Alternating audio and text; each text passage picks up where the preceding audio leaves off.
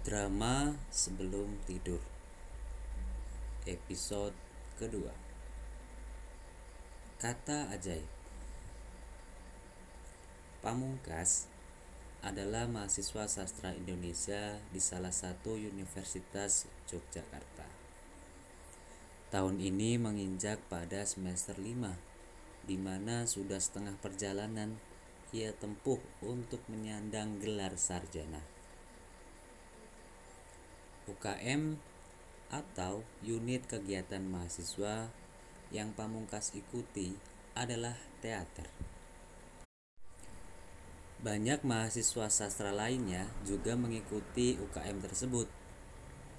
Sebenarnya Pamungkas tidak begitu menyukai tentang drama ataupun sebuah akting. Hanya saja ia ingin mendapatkan teman yang banyak.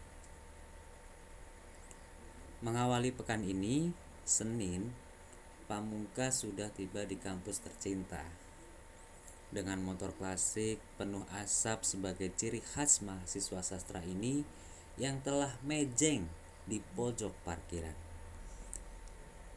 Ia kemudian menuju ke ruang kelasnya dengan kaos yang diselimuti dengan kemeja hitam tanpa kancing dan ransel satu membuat dirinya pede atau percaya diri menjadi mahasiswa sastra. Sesampainya di kelas, teman-teman ternyata sudah banyak yang datang. Pamungkas mulai menyapa satu persatu dengan gaya khasnya. Selamat pagi, bro. Pamungkas memberi tos kepada kawannya. Celotehan kecil saling terlontarkan antar kawan sembari menunggu dosen uh, mata kuliah pagi itu. Pamungkas juga adalah seorang mahasiswa minoritas yang berstatus jomblo di mana kawan yang lainnya punya my love-nya sendiri-sendiri. Ada yang bercinta dengan satu kelas, bersayang dengan jurusan lain, ada juga yang berkasih dengan kakak atau adik tingkat. Ya banyak macam-macam dan ragamnya cinta itu. Cinta sayang dan kasih merupakan kata ajaib yang mampu mengubah perilaku seseorang hal ini sudah lama diamati oleh jombloan seperti pamungkas Pak Sony Pak Sony adalah dosen pengampu mata kuliah kesustas, kesusastraan nampak terlihat di lorong jalan menuju kelas pamungkas. Kawan-kawan bergeruduk masuk kelas untuk saling berebut tempat duduk yang strategis. Pamungkas dengan santainya masuk kelas terakhir dan terpaksa duduk di barisan paling depan. Ia memang sengaja duduk di depan karena ada yang ingin ditanyakan saat kegiatan belajar mengajar berlangsung. Selamat pagi kawan-kawan. Sapaan Pak Sony untuk mengawali perkuliahan. Pagi juga, Pak. Jawab seluruh mahasiswa. Mata kuliah kesusastraan ini menginjak pada bab makna atau maksud dalam sebuah karya sastra.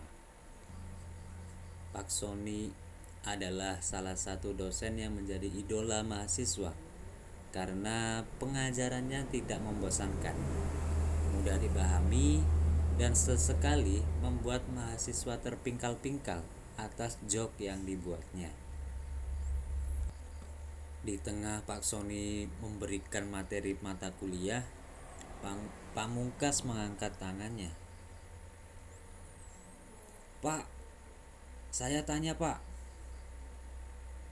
Loh, kamu itu pamungkas, bukan tanya, sahut dosen yang lucu itu.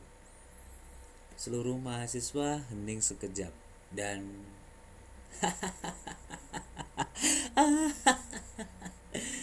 Semua mahasiswa tertawa kecuali Pamungkas. Ya ya, turunkan tanganmu. Mau tanya apa, Pam? Sahut dosen yang lucu itu sambil memotong momentum ketawa seluruh mahasiswa. Dan Pamungkas pun mulai bertanya kepada dosen. Apa maksud ataupun makna dari sebuah kata cinta, kata sayang, dan kata kasih, Pak? Pamungkas sembari menurunkan tangannya. Pamungkas yang sedang dilanda rasa penasaran hingga halu menanyakan hal demikian di tengah pembelajaran. Namun, dirinya lega karena beban pikiran yang selama ini menghantui mampu terucap untuk mencari sebuah jawaban. Mahasiswa lainnya tertawa terbahak-bahak atas pertanyaan konyol dari Pamungkas.